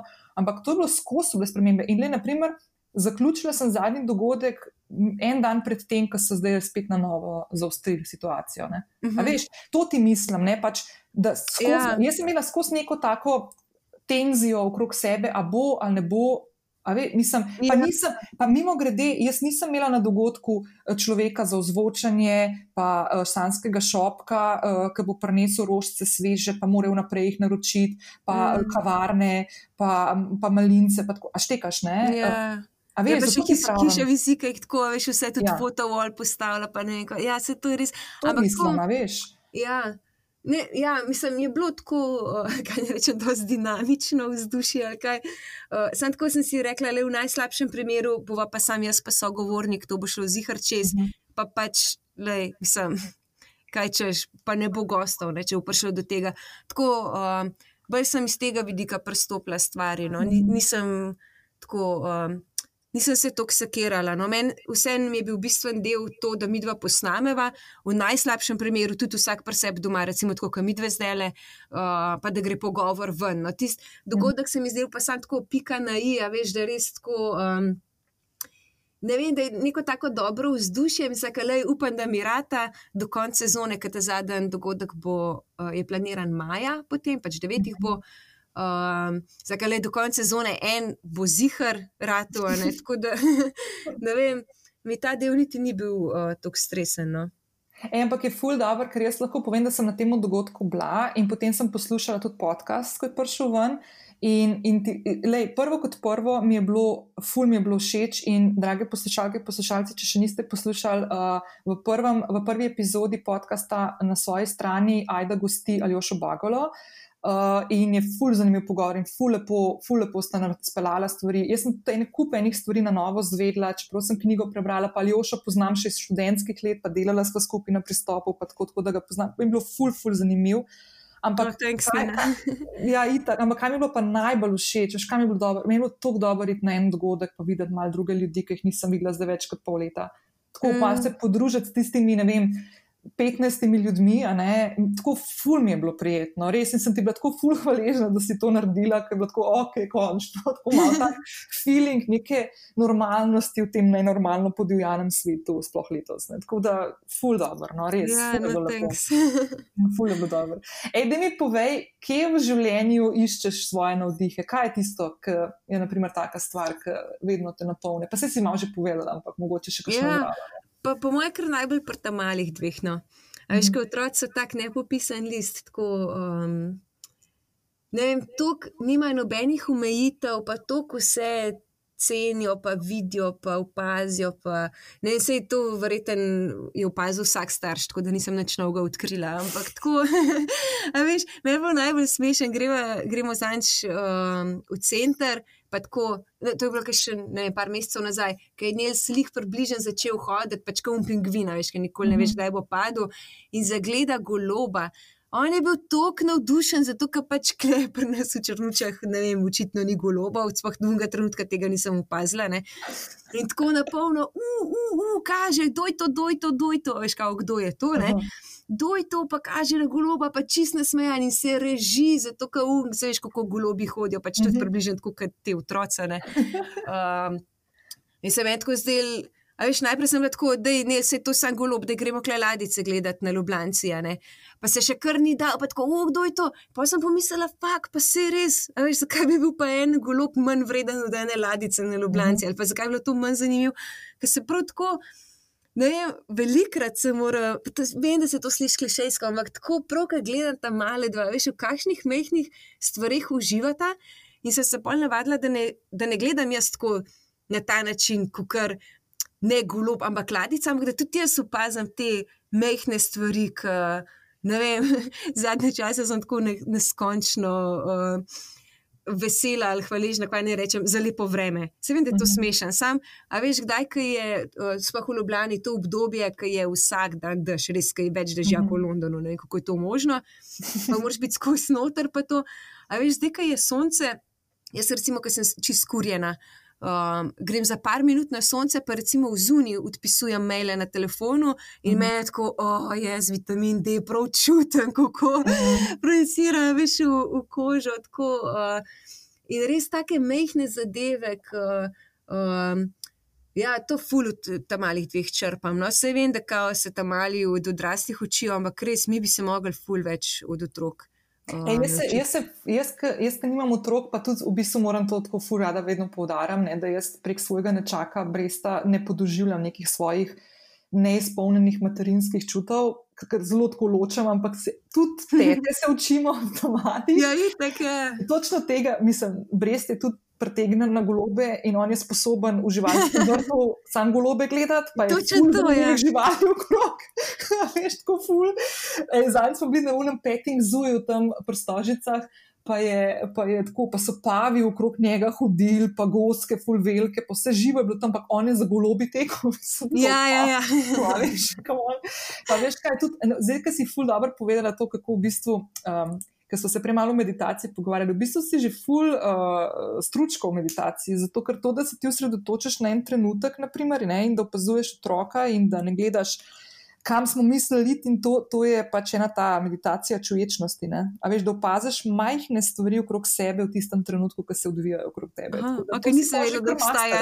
Ja, nisem vedela, da obstaja termin za to, ampak je ja, dobro. No, sem to doživela, prolikune tvoje minute, ki si rekel, da boš začela ja. delati. ne, pa veš kaj tudi. Um, Tudi tole, uh, če si nekaj si fully izpostavila, pa sem ti hotela zdaj reči, dobro, šlo mi je z glave. Uh, ja, ne, to, to, to, da si fulh hvaležna za lepo vreme. Ne. Mislim, to so fulh pomembne stvari, to, to niso banalne. To, to so tako. Um, veš, to se v bistvu učimo skozi to prakso. Jaz sem na full skeptičen do te praks, prakse hvaležnosti, pa da je to džingi džangi, pa horoskopi. To je bilo pri meni vse v istem košu, še nedolgo nazaj. Ampak dejansko se s temi praksami, ko, ti, ko si hvaležen, naprimer, da je danes sončen dan, ne, uh, ali pa da si lahko spala do polenih, mm je, so to stvari, ki v bistvu se ti fokusiraš na to, da si zadovoljen s stvarmi, ki jih že imaš v življenju. Ne, da ne laufaš za tistim, česar nimaš, kar danes mm. v družbi, ki je potrošniško usmerjena, smo pač vsi mal žrtve tega. Yeah. Ja. In, in je to so ful pomembna spoznanja. In tudi, pa, pa je lahko, ok, da si spala danes do pol enih, se ti ne zgodi zelo pogosto. Ne, Ampak, ne na zadnje sem jo v najstarejših letih. No, evo, ja. Ampak to, da je pa sončen dan, se pa bistveno hitreje, pa hit, po, pogosteje dogaja in ki ga ti vseeno zaznaš in rečeš, wow, mm. sem hvaležna, da je danes to klip dana ne, in da sem lahko bila zunaj podpisala na maile na telefonu. Ej, to, je, to se boš lahko spomnila čez ne vem, pol leta, ko bo zunaj sneg. Pa, ne, pač. jaz, jaz veš, kaj jaz delam. Zdaj, da povežem to, kar imaš ti ljubezen do knjig, ki sem tudi jaz v zadnjem času spet od, odkrila po najstniških letih, ker vmes sem bila zelo slaba v tem. Jaz, na primer. Um, Leto sicer tega ne vem, če sem, doživ, ne vem, če sem to letos naredila na plaži, ampak jaz se vsako leto, ko sem na plaži, predvsem, predvsem takrat, uh, si delam kakšne take zapiske, tako, uh, kaj se mi v tistem trenutku dogaja. Ne? In jaz imam eno knjigo od, uh, od Elizabeth Gilbert, uh, Big Magic, ki je cela počečkana, ki mi je fulora knjiga. In na eni strani noter imam, imam tak flek masten, veš, tako, in pa pišem, tako sem obkrožila sem ga in sem svinčnikom zraven napisala, ležim na plaži, datum ta pa ta, na krku in ravno kar mi je falafel padel. in vsakeč, ko to odprem in vidim, si sprav podoživim un trenutek, kako mi bo takrat dobro, ker sem na plaži. A veš, tako da ja, yeah. leč. Da, best. Ok, da mi povej, um, na kaj si najbolj ponosna v življenju? Zdaj, kot prva stvar, ki ti pade na pamet. Uh, uh, uh, ponosna ne vem, mogoče na to, da nekako shendlam tako ta family life, pa službo, tako v smislu, da me ne obremenjuje preveč. No. Ne, mhm. vse tako, da um, sem zelo orientirana na kariero, pa hkrati, da mi družina ful pomeni, pa da sem najdla nek balans med tem. No. Tako mhm. da ni, recimo nimam slabe vesti, veš, da bi s tem malima preživljala premalo časa. Se ga ne preživljam neki full velik, uh, verjetno bi kdo rekel, da premalo. Ampak takrat, ko smo skupaj, smo pač res skupino. Uh -huh. um, tako nimam slabe vesti, da ima dan kaj premalo, pa to vsaj zaenkrat ne, ne vem. Uh, pa tudi v službi se mi zdi, mislim na vseh teh projektih, ki se jih lotam, ali pa ja, prav na celtri, um, se mi tudi zdi, da pozro, um, posvečam dost časa te stvari. Tako da ne vem, nek ta balans. No? Evo, tako je ta tvoj podcast, da sem ujela ravnotežje. Nekako, uh, vse kdaj se mi zdi, veš, da bi lahko še kaj več naredila, ali pa da bi lahko, ne vem, kakšno pravljico več prebrala. Zvečer sem, uh, generally pa tako, no, se mi zdi, da, tako, da nimam neke slabe vesti glede life. No? Pa se to tisto, veš, po mojem, včasih tako. Jaz sem se prav, ko sem se pripravljala za pogovor s tabo, predvsem, sem tako rekla, joj, da ne boš rekla, ti si pa ena tistih žensk, ima vse, ne? ima družino, pa ima službo, pa ima zraven še fuljenih drugih stvari. Ampak, kaj veš, kaj, itak je verjetno tudi tako, no, da se motim, no, ampak vedno 50-50 ni, ne? je lahko en dan mečkam bolj 60-40, pa en drug ja. dan. A veš, je ta fluidnost, da si jo dovoliš. Mm. Veš, da naprimer, okay, ta, zelo zadnji dva dni, naprimer, tam malih ni bilo, ampak ko bojo prišli domov, boš pa spet nadoknadila malo, ne? A veš, Točno to to. se mi zdi ful pomemben, ne? Ja, nikoli ni 50-50, res. Mislim, Mhm. da okay, mogoče še dan, ampak to je izjema. Tako kot si rekel, zdaj le, ker tam malih ni, ne vem, včeraj sem delala pač do dveh po noč, kar pomeni, da ko bo ta ona dva prišla domov, bom jaz imela teh dodatnih, ne vem, sedem ur, ker drugače ne bi delala. A veš, tako res znima in takrat ne bom nič drugega delala. Ne bom, a veš, ne bom na kompu, ne bom na telefonu, pač ne, a bomo šli v gost ali karkoli. Tako, um, ja, da, to, no, pač tisto, kar delam, vedno delam, ali pa saj skoraj vedno na polno. A veš, ni da bi um, nekaj na pol delala, ka pa se mi zdi, da tudi pri nobeni stvari nisi čist za resno. Mislim, vse so izjeme, le pa ne vem, kakšen mail uleti, pa sem na sprehodu, pa vmes odpisujem, pa to. Mhm. Sam načeloma pa ne, če se igram Lego kocke z Liamom. Um, Pa ne morem zraven še minimelovsko pakirati, pa ne vem, kaj še vse, ker pač fizično ne gre. a Ne? Mhm. Uh, tako da, ja, ne, tudi Liam, kdaj rečem, le jaz moram zdaj le to, pa to narediti za službo. Pa tako, okay, se vem, da ste štiri leta, pa mogoče se komu zdi, da sem malo mahnjena. Ampak tako se mi zdi, da razume. No? Um, ali pa kdaj, ja, veš, klen na podstrešju imamo kukar tak. Um, Mini pisarnico, ali kaj ne reče, pač komp na mizi. No. to poti simpli. In pa kdaj zvečer pride gor, a veš, kaj bi mogel že zdavni spati, ne pa še te 24-tič pride iz sobe. Tako, ja, mami, kaj pa delaš? Pa mu normalno razložim, ne, ne vem, lej, rišem to, pa to, pač oblikujem, ne, Mhm. karkoli. Ja, zakaj pa? Ja, tako, veš, prej smo se igrali, pa smo šli ven na sprehod, pa to, zdaj pa malo delam za službo. Ne, tako, aha, ok, a lahko gledam, ja, lahko kle se vsed, pa pač gled. In pa se tudi ne morate dolg čas po desetih minutah in se mi že velikrat zgodi, da reče, mami, ja, grem lahko spat, ja, valjda pejte. Ne? E, sem, to je ful dobro, pa to so ful, to so ful lepi primeri tega, kako bo naprimer uh, Liam imel verjetno odnos do dela drugače postavljen, ki tebe zdaj opazuje. A veš, jaz se spomnim, da sem pred ful časa nazaj, ne vem, kje sem ga poslušala, Kobe Bryanta, ki je razlagal, kako on postavlja zgled svojim otrokom. Ne? Mislim, da je zelo grozen govoriti, ker pač ga ni več. No? Ampak mi je bilo ful zanimivo, ker je rekel, da on zdaj, ki je v penziji, ker pač ni več aktiven športnik, da on še vedno zjutraj se zbudi, kot bi bil aktiven športnik in gre trenirati. Rekel, in jaz v bistvu to delam najprej zaradi sebe, zato da pač vzdržujem svojo kondicijo in počutje. Mhm. Je rekel, predvsem delam pa to zaradi svojih črk, da one pri meni vidijo delavnost in Mhm. pač neko stvar, ko se odločiš, da jo pač delaš. Je rekel, in vse moje hčerke dejansko. Ena je bila pač ta Džana, ki je pač nažalost z njim umrla v nesreči, ki je bila športnica aktivna, ena druga je bila ful, ne vem, je se Kitajsko učila, pa ne vem kaj, ful na, jezik, na, na jezike mahnena in je delala, veš. In je on v bistvu s tem svoj, svojim vzgledom kazal otrokom z dejanji, kaj Mhm. pomeni. Ne? ne, da je rekel, jaz grem zdaj delati, pa ne. Pa Ja, ne, ja. so ga videli, ne, dejansko so ga gledali. Ne.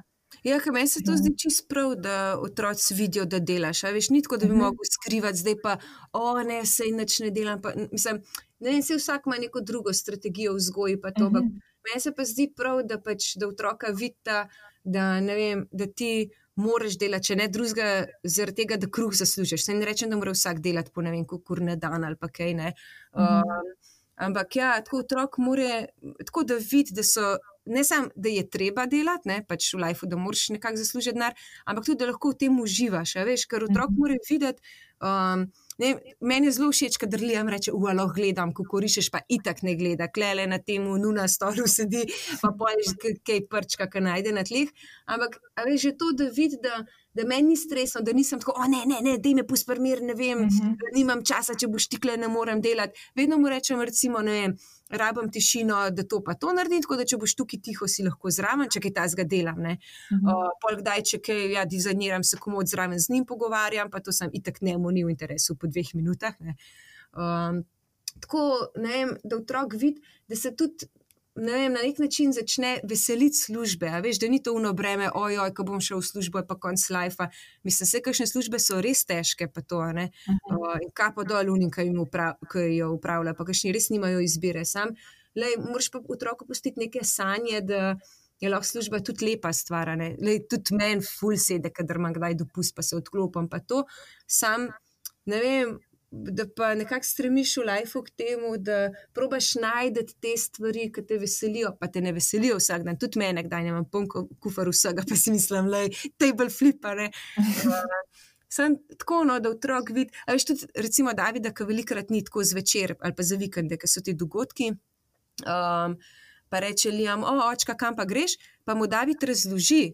Reče, le grem na dogodek ali pa grem na televizijo to snemati, če slučajno uživo, ne vem, boš lahko ob tej pa tej uri pržgal, pa me gledal, tako da razume, da je to služba. Uh -huh. Tudi uh, že ne dvakrat um, je šel Liam z Davidom tudi v studio snemati, no, zato, ker mislim pač na televizijo, ker pač preprosto nismo imeli varstva doma. Jaz sem mogla imeti sestank in ne vem, sem vedela, da bo trajal tri ure in nisem mogla, veš, pač ne more biti štiri leta, otrok, eh, štiri leta star otrok, tri ure sam, ne.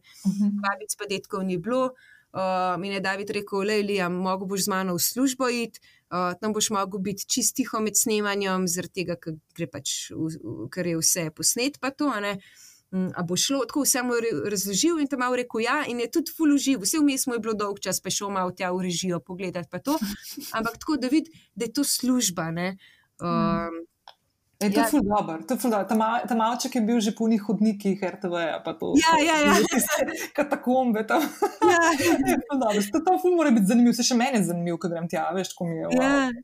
Ej, ful da best. Pa tudi Nils je recimo od začetka, veš, ker sem bila na, uh, še na porodniški, pa recimo sem delala za mini Melovs, pa kdaj sem mogla v kakšno trgovinco, pa kakšne stvari postaviti, pa to. David je imel pa lih casting in ne vem, pri nama je ful ta balans v razmerju da ni tako, da mama mora biti doma z otrokom. Ne? Mislim, da se to tudi ful hvala, da, da, da je normalen človek, da razume, da smo mi dva pač 50-50 starša. Uh -huh.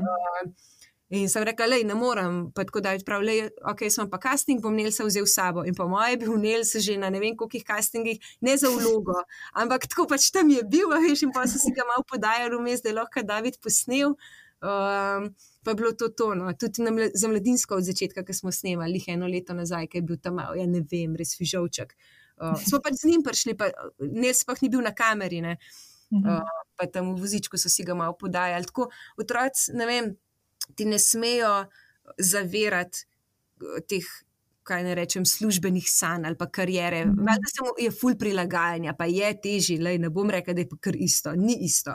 Pa če ne drugega, moraš fizično pač paziti na enega človeka, ki ti lahko kar nekam otava.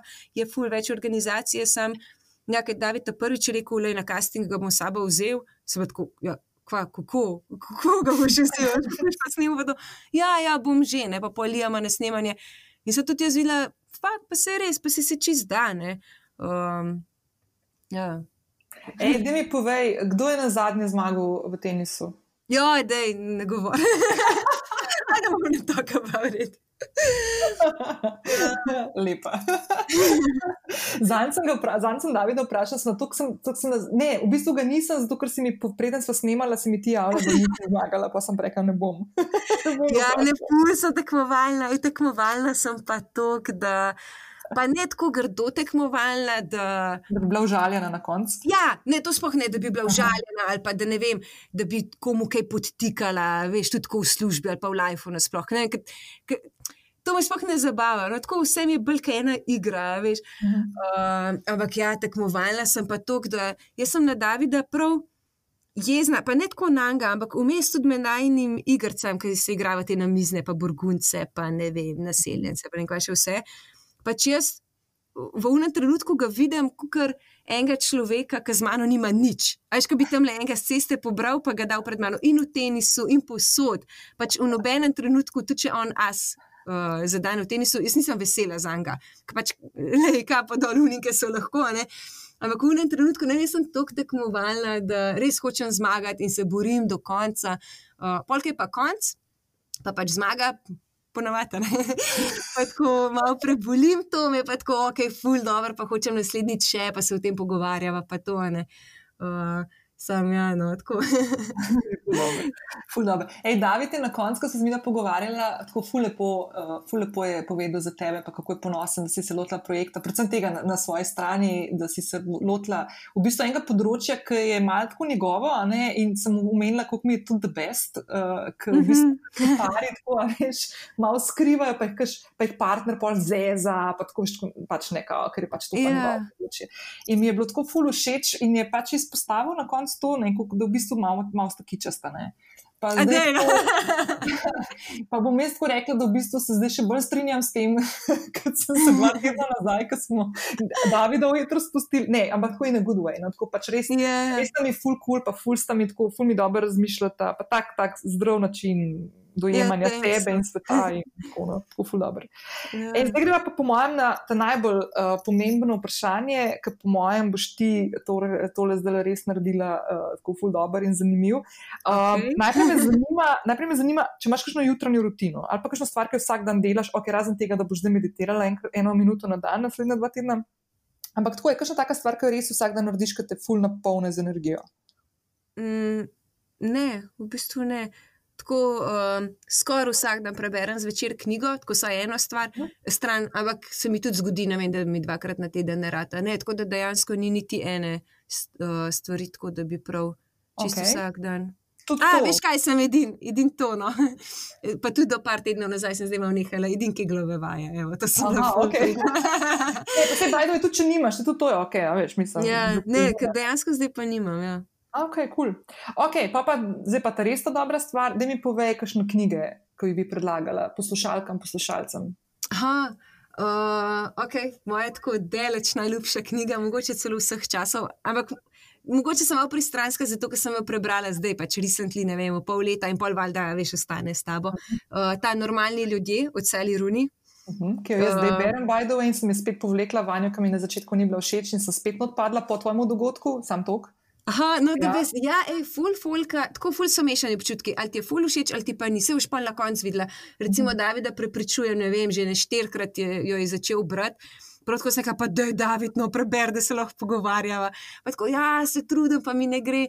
In še zdaj ni prebral, pa ker sploh ni tako debela, ne vem, koliko ima strani, 200 ali 250. Pač tako da se jo prebrati v parih mesecih, no, tudi če nimaš neki ful časa. Uh -huh. Um, ja, no, ampak me je ta knjiga tako res vrhunska. No. Sej jo bom- imela v naslednji epizodi na svoji strani, Aha, uh, ki ti res da tako misel tudi teh. Um, ne vem, tako čisto vsakodnevnih stvarih, tukaj je preprosto, ampak ne vem, meni je šlo kar na jokno. Ker sem tako žalostna, ker so to kril stvari, a veš, ni, ni tako nobena fikcija. Pač, ko bi tam le dva random človeka vzel, um, pa sam napisal, kaj se dogaja. No, tako, Mhm. ful priporočam, res čist, čisto sem. Uh, ja, tako da to. Uh, čak, kaj v knjigah si mi vprašala? Ja. Ja, ja, malo sem se zgodila. Uh, pa pa popolna umama, mi je tudi ful dobra, Aha. druge v Tretjem rajhu. Uh, meni te vojne teme ful niso blizu, tudi tako nikoli me nič ni zanimalo. Uh, in to nima veze z vojno samo, tako ne razlaga nobene zgodovine, pa to je pa tako zanimiv. Uh, Se to ni noben spoiler, ker itak se to že na začetku pač ve, da se bo o tem govoril, o drogah, ki so jih jemali um, v bistvu ta Tretji rajh, pa Hitler, pa tako naprej. Aha. No. Um, šele pol v bistvu razumeš, če lahko sploh razumeš vojno, kako je do tega prišlo, tako postopoma, veš, gredi pa vse, pač kaj, kako je jemal, kaj, zakaj. Um, ful priporočam, res. Zato, ker pol tudi kdaj pomisliš. Um, ne vem, mislim. Jaz se kdaj vprašam, primer Beyoncé, ki je, smo bila z Davidom na njeni turi, um, mislim, v Milanu je imela koncert. Ja, v Mhm. Milanu mislim, da smo bila tako, ne dve leti nazaj, nekaj tasga. In ona je imela v treh mesecih, če se ne motim, zdaj ne vem točnih številk, ampak recimo v treh mesecih 70 koncertov po celem svetu. Uh -huh. In sem računala, da je imela več kot vsak drug dan. No, Tako, ja, ali pa v dveh mesecih, v dveh mesecih 70, nekaj tasga. Ne, ne, pač neke nore cifre, ki sem si rekla, fakt to ni mogoče. In ko greš na njen koncert, bejba une tri ure, da vse od sebe, ampak dobesedno, tako fizično, njo restorava. Le, če misliš, da je to easy, probi doma narediti 50 vojaških poskokov, ker to ona dejansko dela s temi svojimi plesi. In ker to skozi dela, sem si prav rekla, ker sem pol to knjigo prebrala. Pa pismo, če niso ti ljudje na nečem, kar pač mi nismo. Ne? Uh -huh. Um, ja, tako da, uh, je ful tak dober v pogled. V ne, se ona, po mojem, mora imeti, mislim, te performerje, mora imeti treninge, kot atleti za olimpijske igre. Ja, poleg to. tega, da ona skače in da naredi te poskoke zraven, še poje in drži svoj glas, kar po mojem. Točno to. Plus to, da zgleda brezhibno. Veš, ko vsak šprinter, ki laufa, ja. tam vidiš fotko, valjda uno faco na vse strani, ne ja. vem, kva, ne moreš ti še fejsa zraven držati. Ona pa, sej vem, naredijo pač pet milijonov fotk na koncert in pol ven pride sto, ki je brezhibnih, pa še to so šopiranih v nulo.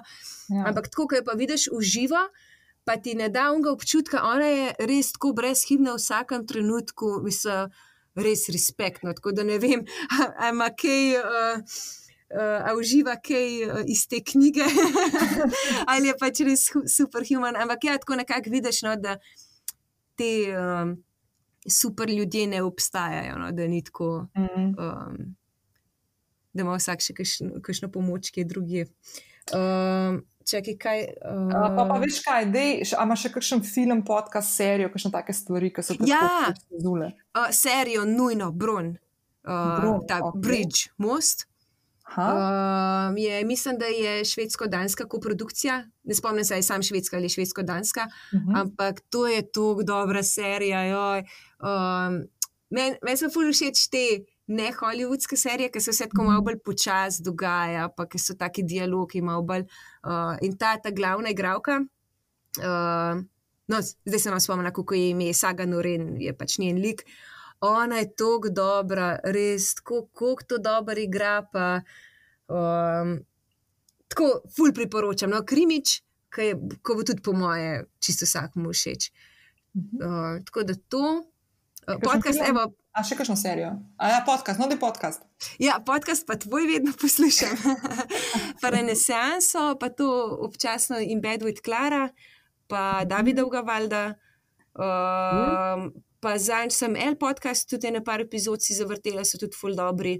Mm, ja. Bajdo je glika v El govoriva, ne? Ja. Ja, dobro sem imela, ne? ker sem to imela v mislih. Da, ker, ja. ne, ker sem ti, sem ti poslala tako mali stočnice, o čem bi se pogovarjali, to še ni bilo. Ne?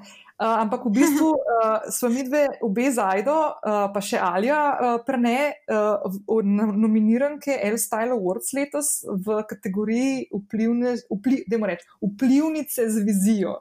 Ja, ja. Če včeraj, da sem v taki krasni družbi, se mi zdi tako čist. Ja, um, enako, ja. Tako ful dobro, da sem prav ful happy. In ko mi čakam event in v lifeu nisem razmišljala za dva meseca naprej, kaj bom oblekla, samo ni moj svet. Ok, bom nekaj povedala. Povedala sem moji kolegici Ani Lazovski, um, ki sem že omenila danes, uh, ki živi v Londonu in dela šminke. Ne? In zdaj, ki sem v Sloveniji to delala. In jaz pač tako Ani rečem, Ana, le, jaz sem nominirana za L-Style Awards, pa ona tako meni, jebeš ti v tvojih papučah, a veš, v mojih papučah. Kako se naj, ja. Pa si rekla, ma ne mona, pa ne v takih kategorijah. veš, tako. Ok, pač itak, da ne v unih kategorijah, ne fashion. ja, tako sem zaražala. Ampak ja, v glavnem smo tudi nominiranke in če, drage poslušalke, poslušalci, skočite in kupite zadnjo številko L boste videli na ju zajdo, kako se uh, smejiva z ene od strani. Da, ja, ja. da je to happy za to nominacijo, res. A veš, kako folk gleda na te influencerje oziroma vplivnice ali vplivne že tako malo uh, postrane. Uh -huh. um, ampak tako, da ti nekdo reče, da si vplivnež z vizijo, mislim, a ni to neki tako fulepga. No, in ker sem jaz to videla, mi ni bilo niti v enem trenutku tako bed ali pa da bi rekla, o ne, pa jo je zakaj vplivnica. Ampak tako, to je tako lepo, če si uh -huh. že to, da si nominiran za nekoga, ki je vplivno z vizijo. No, in to se mi zdi tako pozitivno. Tako ja. res, um. No, jaz lahko povem, da sem klic dobila. Um, najprej, jaz, jaz sem obnemenila, v bistvu poklicali so me in so tako rekli, če sprejmem nominacijo. In jaz, ko najprej sploh nisem štekala vprašanja, ker res ne razumem, ja. morate, pač ja. In pol, ker so mi razložili, zakaj, sem jaz, ko najprej, kakšno, blag, kjero, kakšno blagovno znamko, pa tako ja, ni na lovim, nikoli razmišljala, nisem tako. Ja. Prav se ukvarjam s temi stvarmi, pa svetujem drugim, kako postaviti določene zgodbe. To, jaz to sem tako organsko naredila, da sploh tega ne dojemam mm. kot, kot, kot nek brand, ampak itak da je. Pa sem pa tako počaščena, da sem brez besed ostala, kar se pri meni tako res ne zgodi. In, tako, kot ti praviš, jaz sem bila ful ponosna na to, tako res. In sem ful, ful, ful vesela in hvaležna in ponosna, in mi to ful veliko pomeni. Ja, meni tudi, ja, tako ful mi je lepo, res. Ja, zato, ker tudi o teh vplivnicah, to, to smo se, na primer, mi s Teso veliko pogovarjali uh -huh. tudi, na eni od prejšnjih epizod, da v bistvu ta konotacija negativna z vplivneži, mislim, jaz se tako fulne dojemam na tak način, je pa res, ne, da jaz, na primer, vse svoje stvari, jaz za sebe nikoli ne bi rekel, da sem vplivnež. Vem pa, da vplivam, tako kot vsak človek v svojem življenju vpliva, tudi brez družabnih mm. omrežij na druge ljudi. Mm. In, uh, ampak jaz res jemljem tako zelo, zelo, zelo resno in odgovorno stvari, ki jih dajem od sebe. Mm. Um, a veš, prej, ko si Beyoncé umenila, sem skozi razmišljala, da poleg tega, naprimer, da ona se more full fizično in psihično prepraviti um, na svoj nastop. Je pa še ena stvar, ki se njej zgodi z vsakim nastopom, je to, da se tam cel stadion ljudi priklopi energetsko na njo. Ne? Točno to. Jaz, na primer, lahko povem, meni, na primer, konkretno, zelo, zelo iskrena, meni so super, kad delam joge, naprimer, poleti. Ne? Ampak jaz sem tako utrujena po vsakem takem dogodku, mm. da zdaj jamram. Jaz sem tako utrujena, zato ker vse, vsakem, vedno hočem dati vse od sebe. Ja, itak, vsi ja. ljudje so, vse stvari so na te usmerjene. Ne?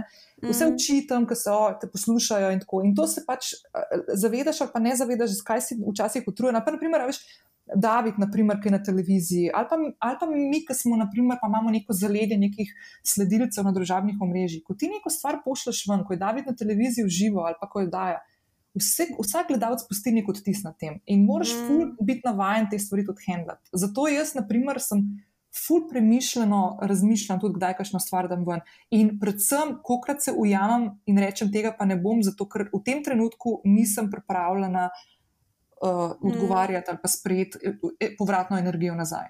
A veš, pa, pa niso ja. nujno neke stvari negativne, pa to sploh ne. Mm. Ampak, a sem zdaj redi za to diskusijo ali nisem? Ne? Ja, točno to.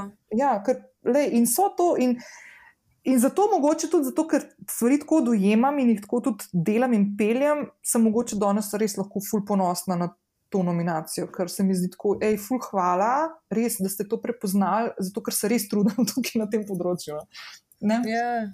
In isto za te in alijo in vse pač tako. A veš, pač le, vse to po mojem se to pač prepozna, brez da bi se zdaj neki filozofirali na dolgo in široko, kdo to dela in kdo ne, ker to so totalno nerelevantne diskusije, ker vsak dela tisto pač, kar na koncu želi delati. Tako da, mm. tako da, ja. Ej, full dobr, to je to. Jaz sem full happy, ker so prišli do konca. Ej, full mi je bilo fajn klepetati s tabo.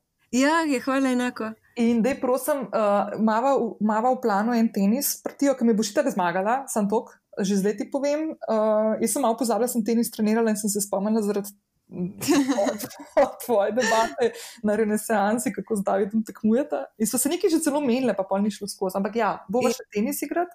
Le, glede na to, da se nam ni rata niti na pijači še dobita, ne mislim. To, da... ne, to, pa, ne, to se pa tudi mora, no? uh, to se pa tudi mora, absolutno. Yeah. Ja. Um, tako da se bova dobili in uh, te bom jaz poklicala lej, proti koncu meseca.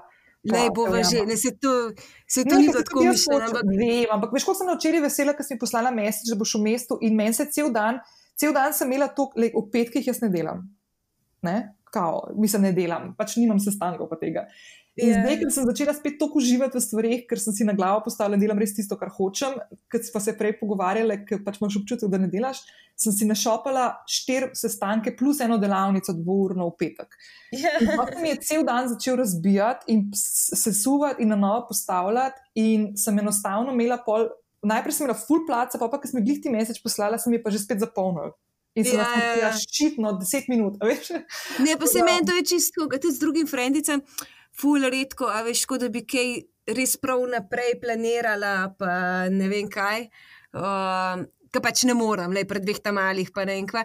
In pol ponovadi se veš, da tudi te, vedno, ki ti pišem, je tako last minute, a si frej ali nisi, čisto no pressure. Ne, ja, ne um, jaz sem ujela enkrat, ko si v službi, pa šla na kosilo, si malce poklukala si. A ja, no evo, to je. Veš, kaj tazga, no, tako da ja.